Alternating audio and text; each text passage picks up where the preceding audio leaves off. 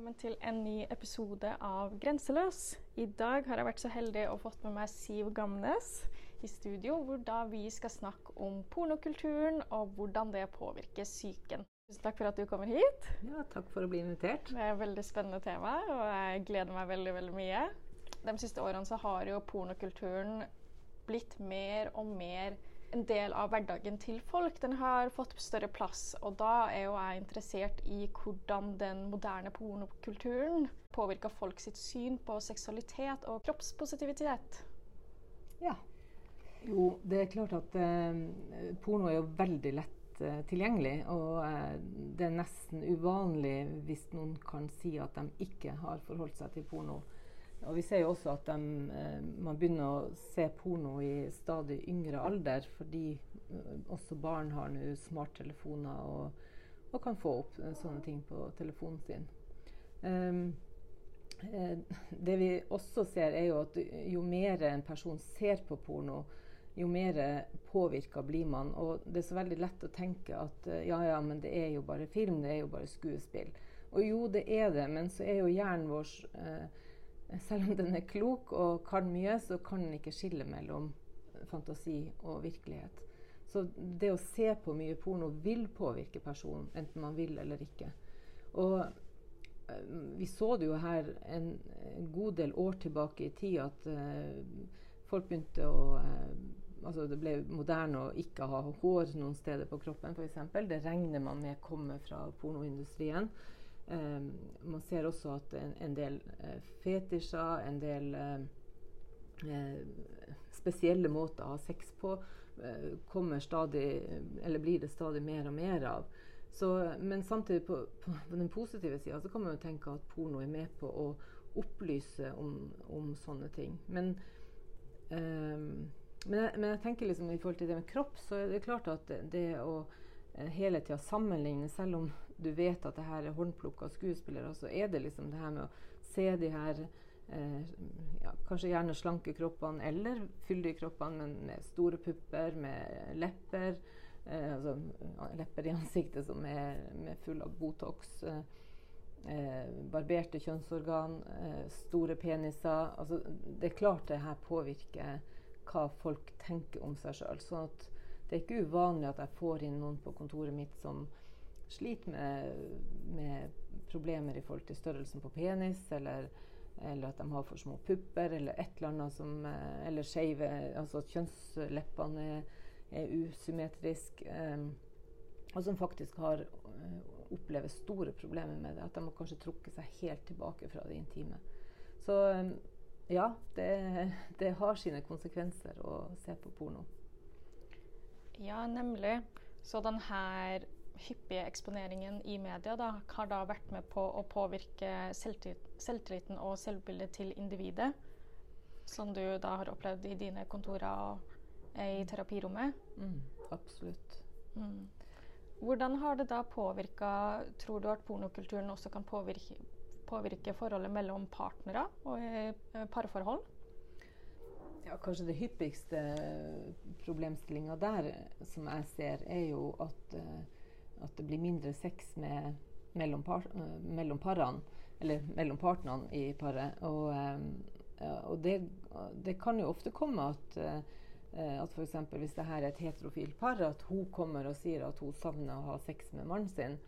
at hun får det til å høres ut som hun har veldig mye mer sexlyst enn det han har.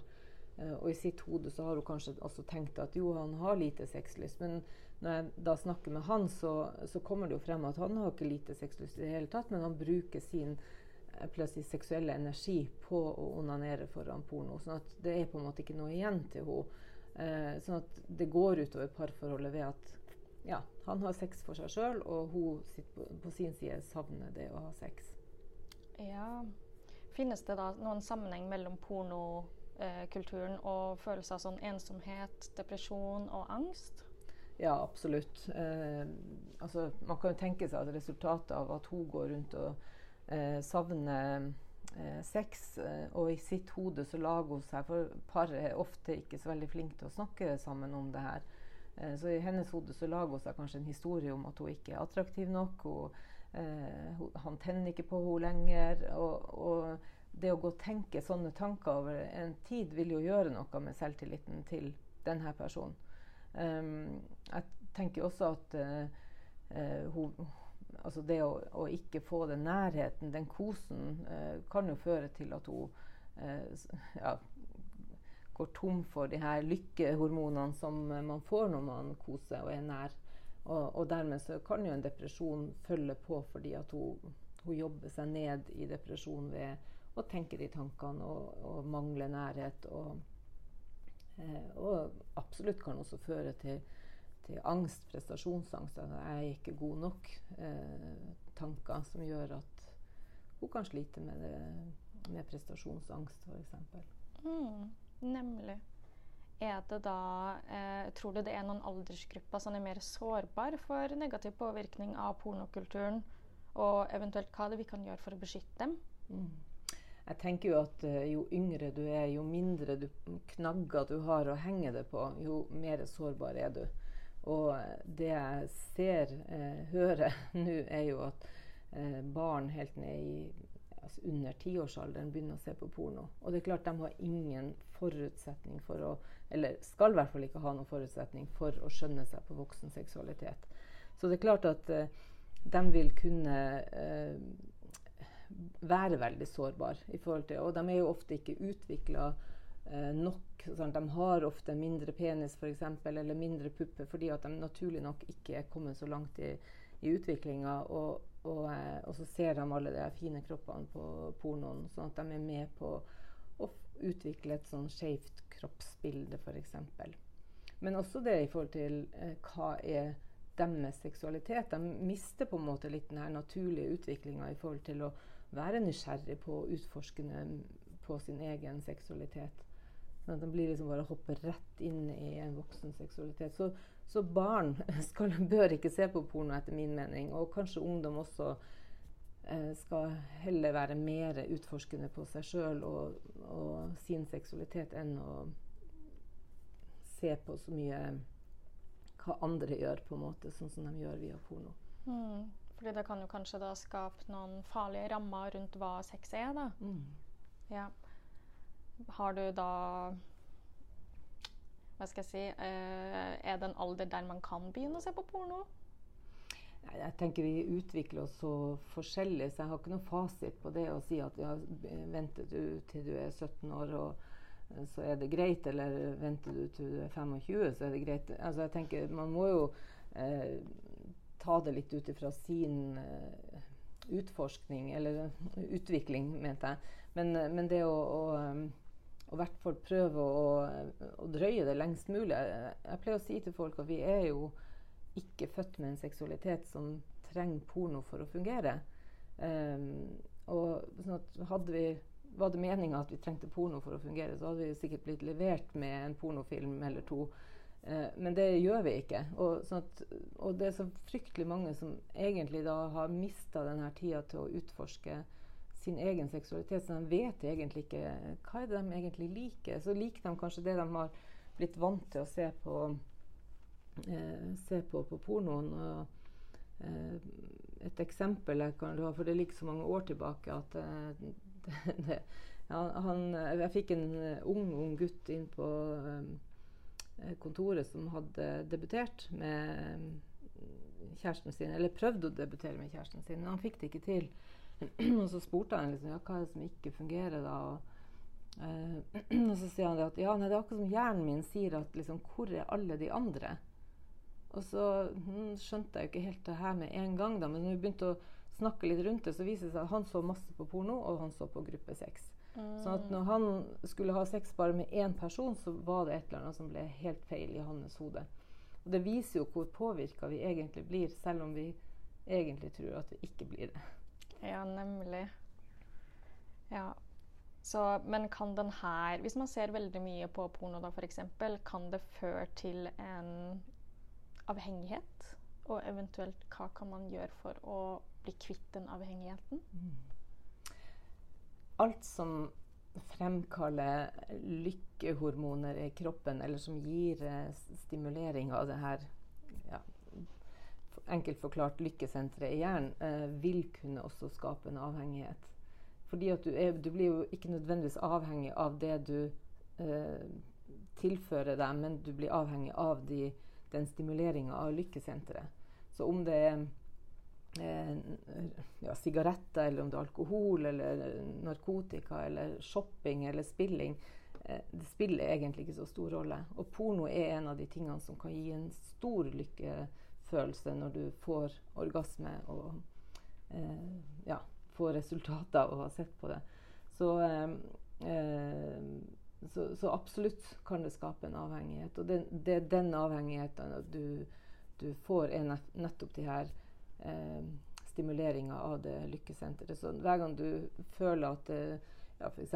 hvis det, du får vanskelige følelser, eller du kjenner deg sliten, eller ting er negativt, eller, eh, så vil hjernen søke mot det som den vet gir deg lykke, og det er jo da porno, f.eks. Og da vil du få lyst til å se på porno igjen.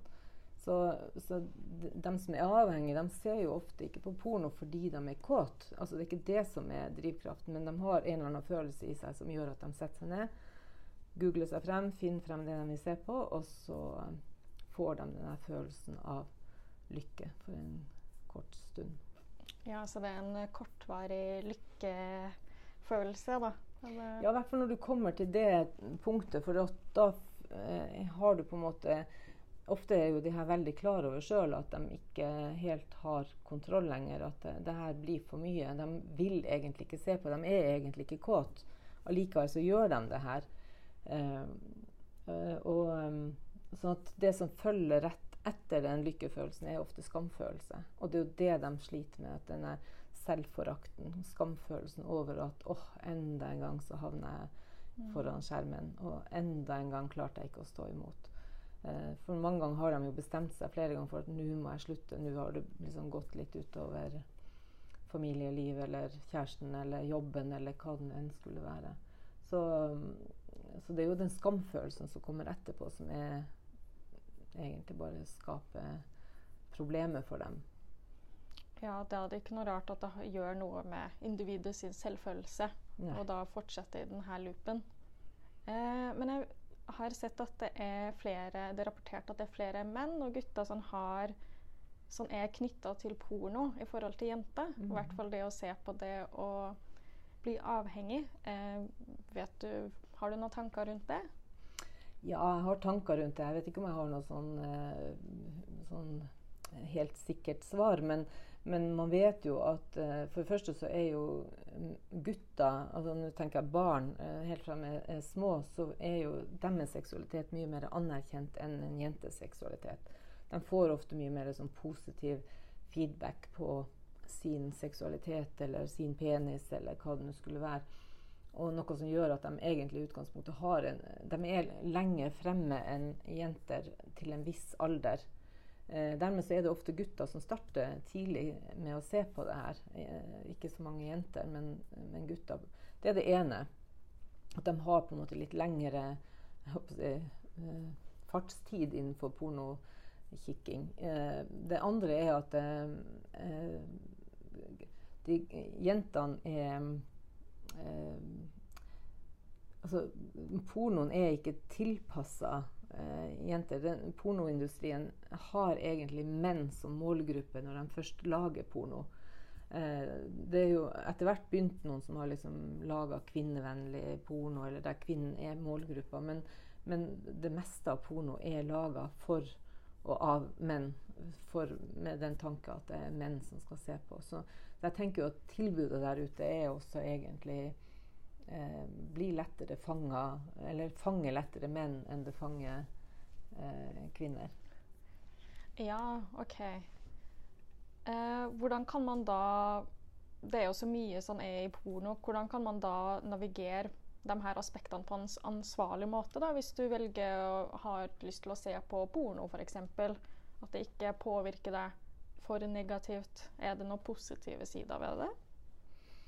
Det finnes jo selvfølgelig positive. Altså, jeg tenker jo at eh, For en kortere periode så kan jo porno være et hjelpemiddel for å få opp eh, den seksuelle energien. Altså at du kjenner litt mer på kåthet og, og sexlyst.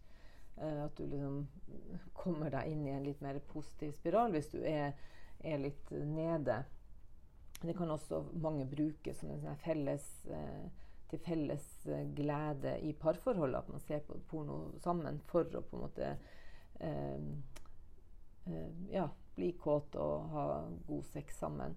Men, men, jeg tenker jo igjen, som jeg sa i sted altså er, Vår seksualitet er ikke egentlig skapt med tanke på at vi må se på porno for å få den til. Og det som skjer når du ser på porno, det er jo at du egentlig plasserer ditt fokus utenfor deg sjøl. Så du, liksom, din seksualitet blir på en måte hekta på noe som er utenfor deg sjøl, og du, du, glemmer litt å kjenne etter følelsene du får i kroppen. altså Hvordan er nytelsen? Hvor er det godt? Hvordan stimulering er det som er god? Altså, så, så, du glemmer litt deg sjøl, og du blir så innmari fokusert på det som foregår på skjermen, at det er liksom det din seksualitet til slutt handler om.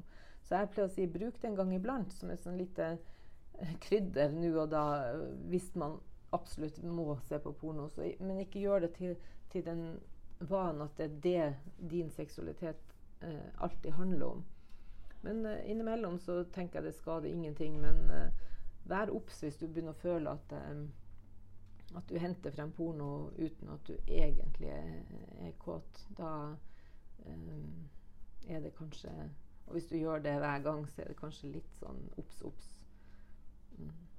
Fra et sånn psykologisk og helseperspektiv, da, eh, hvordan kan man da fremme en sunn forståelse av seksualitet og samtykke eh, i denne kulturen som er da så sterkt prega av pornokulturen mm. og de fremstillingene og forventningene som er i det? da? Mm.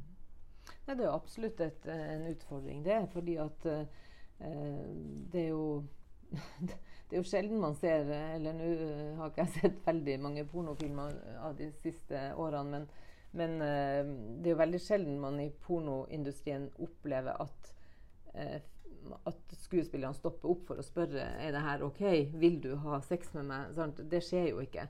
Det er jo alltid bare sånn spill i forhold til at uh, ting går av seg sjøl, og den ene føre tråden eh, med den andre hengende etter, liksom. Så, så, det er jo ikke sånn sett eh, lagt opp til at man henter inn samtykke, f.eks. Um, ehm, og, og, vet man også litt mer om industrien bak pornoen, så vet man jo også at det, det er sjelden at det foregår så mye samtykke der. Altså Mange er jo på en måte pressa litt inn i denne industrien. Så jeg tenker jo, hvis man ser på hele det bildet og tar med alle faktorene der, så, så, eh, så, ja, pornoen er ikke den som hjelper oss til å få en god kultur på, på det med samtykke og ja, oppleve at, eh, at porno er eh, Eller oppleve at seksualiteten er, er, bare liksom nytelse og glede og, og naturlig. Ja, og så blir det jo ofte i porno veldig framstilt ganske sterke kinks og mm. forskjellige fetisjer. Eh, hvordan tror du det kan påvirke oppfatningen til individet på hva som er normalt og ikke? da? Mm. Kanskje det kan tøye det f.eks. grensene til noen, eller? Ja. ja. nei, du er absolutt inne på noe viktig der. For jeg tror jo at eh, altså, eh, hjernen din blir påvirka av det du ser. Og hjernen din klarer ikke å skille mellom fantasi og virkelighet. Og det er det vi vet. Det er fakta. Eh, og da kan man jo tenke seg at hvis du stadig ser på én type seksualitet, og, eh, og det, du liksom mater hjernen din med akkurat én type, så er det ganske nærliggende å tenke at det på en måte vil bli preferansen eh, for din seksualitet på sikt. Sånn, du, sånn sett kan man tenke seg at du vil kunne utvikle fetisjer eller utvikle spesielle behov innenfor seksualiteten ved å, å se på en spesiell type eh, porno. Og så vet man jo også at eh, folk som begynner å se på porno, etter hvert som du blir avhengig, så, eh, så endrer det seg ofte det du ser på. Du begynner å søke etter eh, mer og mer spesielle ting. Altså vanlig eh, heterofil vaniljesex eh, blir på en måte bare kjedelig. Det, da kan du like gjerne sette på barne-TV omtrent. Og så utvikler det seg til at du kanskje til slutt befinner deg på det mørke nettet og leter etter ulovlige ting. Så det, det, er jo den utviklinga som kan skje i, i, eh, med en person som da stadig ser på porno. Er det noen fetisjer som du mener er spesielt farlig i gåsetegn for selvfølelsen og selvoppfatningen? Nei, altså Det er jo så forskjellig hva, hvordan vi reagerer på, på, ulike ting. Men det er klart at hvis du um, jeg, jeg, jeg, tenker jo at hvis du stadig ser på um, ja, Hva jeg skal bruke som eksempel, da. Uh, jeg kommer ikke på noe i farta. Nei, Nei, det går helt fint. Var det noe spesielt du tenkte på? det? Nei, f.eks. pisking eller kveling. da, for ja, for Det er jo en ganske mm. gåsetegn mild fetisj nå til dags. Mm.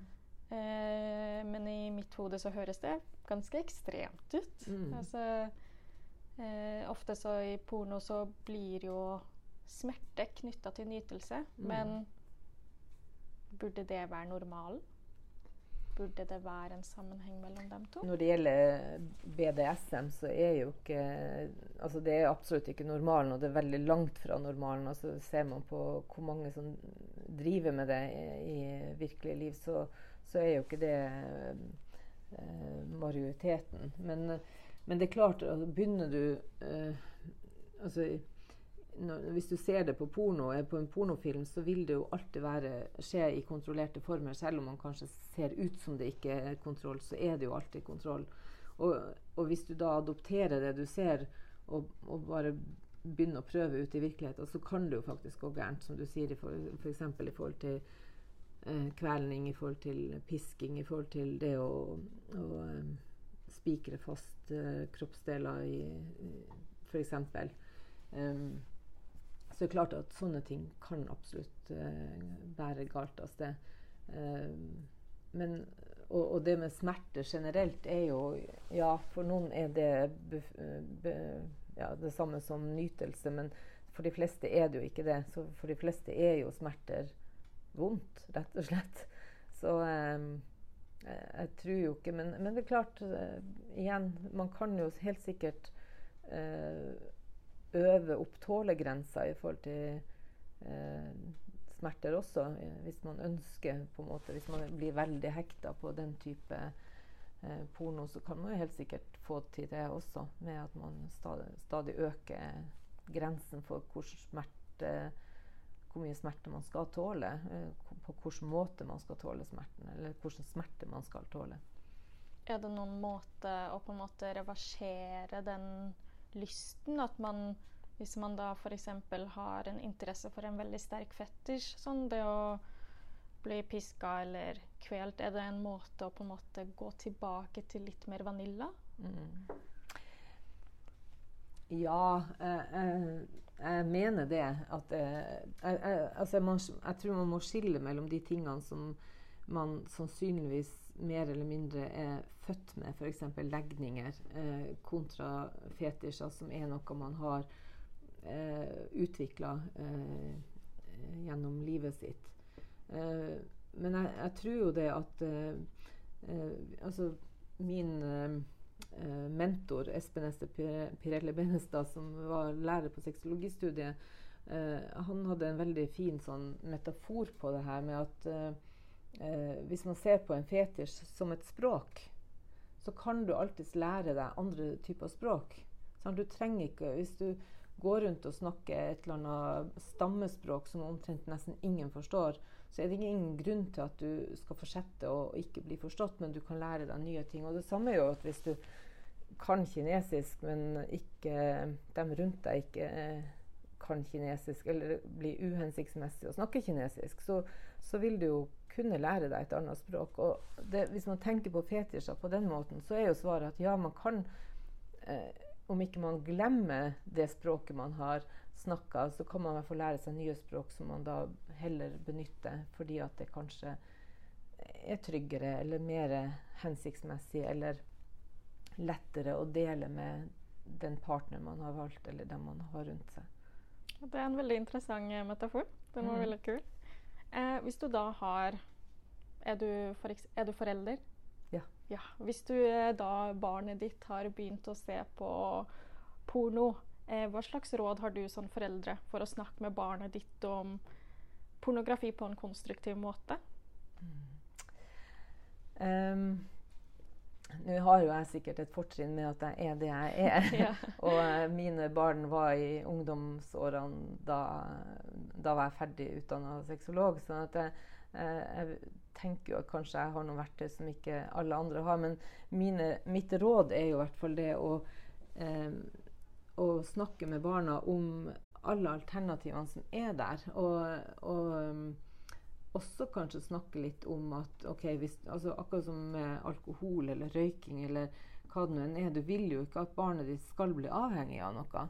Eh, så det å snakke om faren med å, å, se mye på porno, eh, hva det kan føre til og hva det kan gjøre Men, men sånn, igjen det her å si til barnet at du ikke skal gjøre noen ting, da kan du være ganske sikker på at det er jo akkurat det barnet blir å gjøre.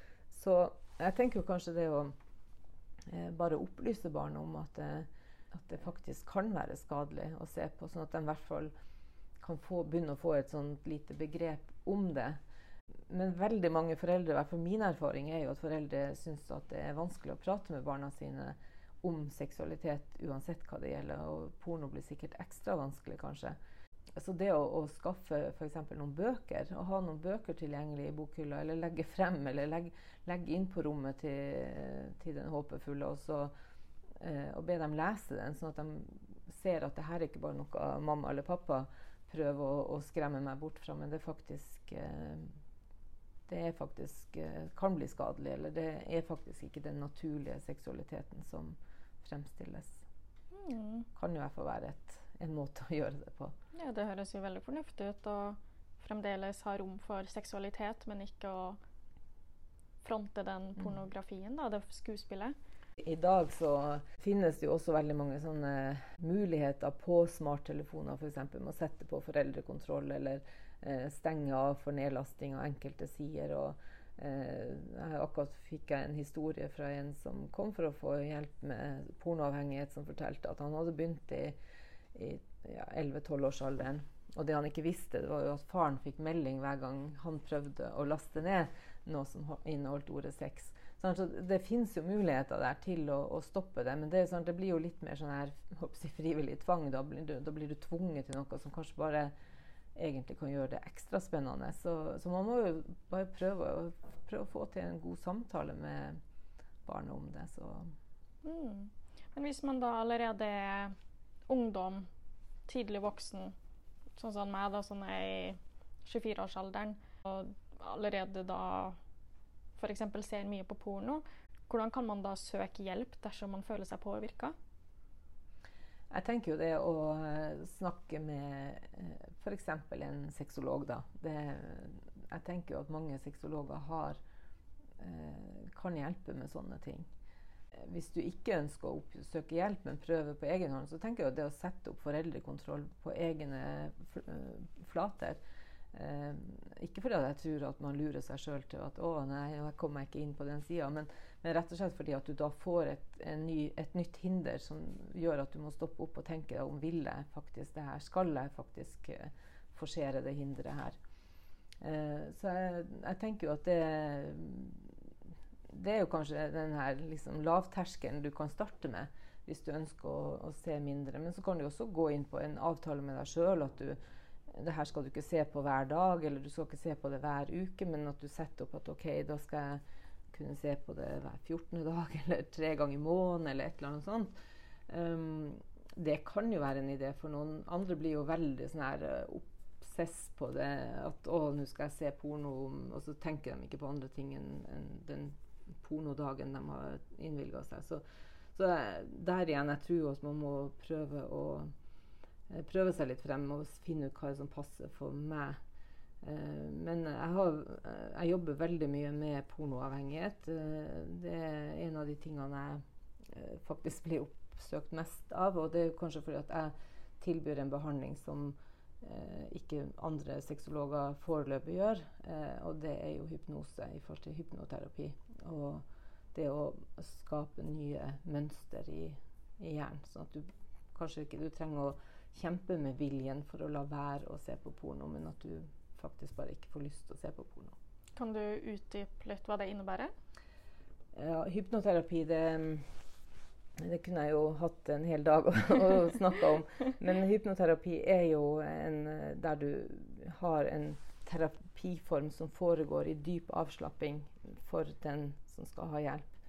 Um, så, og, og, I den avslapninga så kan du på en måte putte inn ulike eh, terapiformer eller ulike måter å nå frem til å gi forslag til hjernen på hvordan den heller kan um, agere uh, enn i det gamle mønsteret som den har gått i.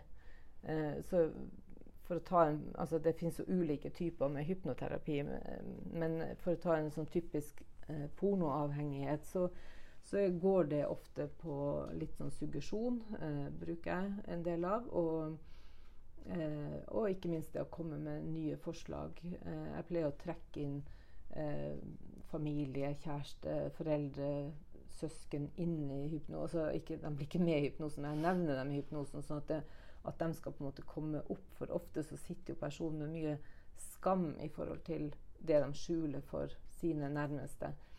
Eh, men jeg trekker dem inn for å vise at de kan faktisk være en styrke å ha hjelp av. Så egentlig så sitter jeg bare og gir masse forslag til hjernen til hvordan den heller kan eh, tenke eller agere i en sånn situasjon der de får lyst til å se på porno. Og eh, ja, det funker. det gjør ja, det. Funker. Ja, det gjør det. Eh, det er klart, ulempen der er jo liksom eh, De fleste som Hvis du oppsøker hypnoterapi for å slutte å røyke, så er det fordi at du har lyst til å slutte å røyke. Du vil ikke røyke mer. Eh, mens de, mange med porno de, de, ønsker å komme dit at ja, men jeg vil jo se litt på porno, jeg vil ikke kutte det helt ut. Eh, og det er muligens vanskelig, fordi at ser du på det litt innimellom, så, så vil du holde ved like eh, den lykkefølelsen du får av å se på porno. Og dermed så vil sjansen være der til at du eh, øker på igjen og ser oftere og oftere. At du på nytt baller deg inn i denne avhengigheten. Men jeg kan jo ikke nekte personen, men jeg pleier i hvert fall å anbefale å være helt avholden fra å se porno en god stund etter at man har slutta. Og heller fremheve det her positive med å ikke være avhengig av porno. Ja, og Så gir det jo også da en sjanse til hjernen din å få lage andre belønningssystem da, og finne sunnere måter å Absolutt, og ikke minst uh, gir, sjans, gir, jo personen seg sjøl sjansen til å finne ut av sin egen seksualitet og finne den uh, sånn, Hvordan seksuelle person var jeg egentlig ment å bli hvis jeg ikke hadde sett på all denne pornoen. Og, og det, jeg tenker jo det ligger jo der, så du kan jo alltids finne tilbake igjen eller få liksom den mer naturlige opplevelsen som kroppen din er skapt til å gi deg. Som ligger der helt naturlig og helt gratis. Da begynner vi å nærme oss slutten, men jeg har et uh, siste spørsmål. Og det er hvilke endringer bør vi håpe på i pornokulturen for å skape et mer positivt samspill mellom psyken og seksualiteten til enkeltpersonen? Det er et ganske stort spørsmål, men du kan svare på det som du vil. Ja, du hva, Da velger jeg egentlig å, i utgangspunktet å svare et veldig kort svar. Og det er jo trenger vi egentlig pornokulturen? Eh, det syns jeg er kanskje det viktigste spørsmålet, først og fremst. Eh, og jeg svarer ja på det, som jeg tenker at ja, OK. Eh, så kan man begynne å, å tenke liksom, OK, hvordan skal den kulturen være? Men jeg tror det er kjempevanskelig, for det her er et uregulert marked. Det er store penger som investeres i pornoindustrien. Og jeg tenker at det er vanskelig å å få gjort noe med.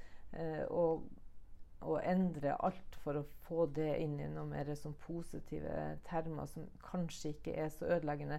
Det vet jeg faktisk ikke om det går, for fremdeles vil jo hjernen vår være den samme. Den vil ikke kunne skille mellom fantasi eller film og virkelighet når du stadig får den påvirkninga som du gjør når du ser på porno. Så um, så mitt spørsmål tilbake blir egentlig trenger vi pornoen. Altså jeg vet, Det er kanskje én gruppe mennesker, eller for, for, noen få mennesker så tror jeg porno er kjempepositivt. Og det er dem som kanskje aldri vil kunne oppleve å være i et parforhold eller ha, dele sin seksualitet med noen andre, da blir på en måte pornoen kanskje det nærmeste de noen gang kommer med å kunne dele det med andre. Eh, og for dem tenker jeg at jo, det, det, kan være flott. Men der stopper det også for min del.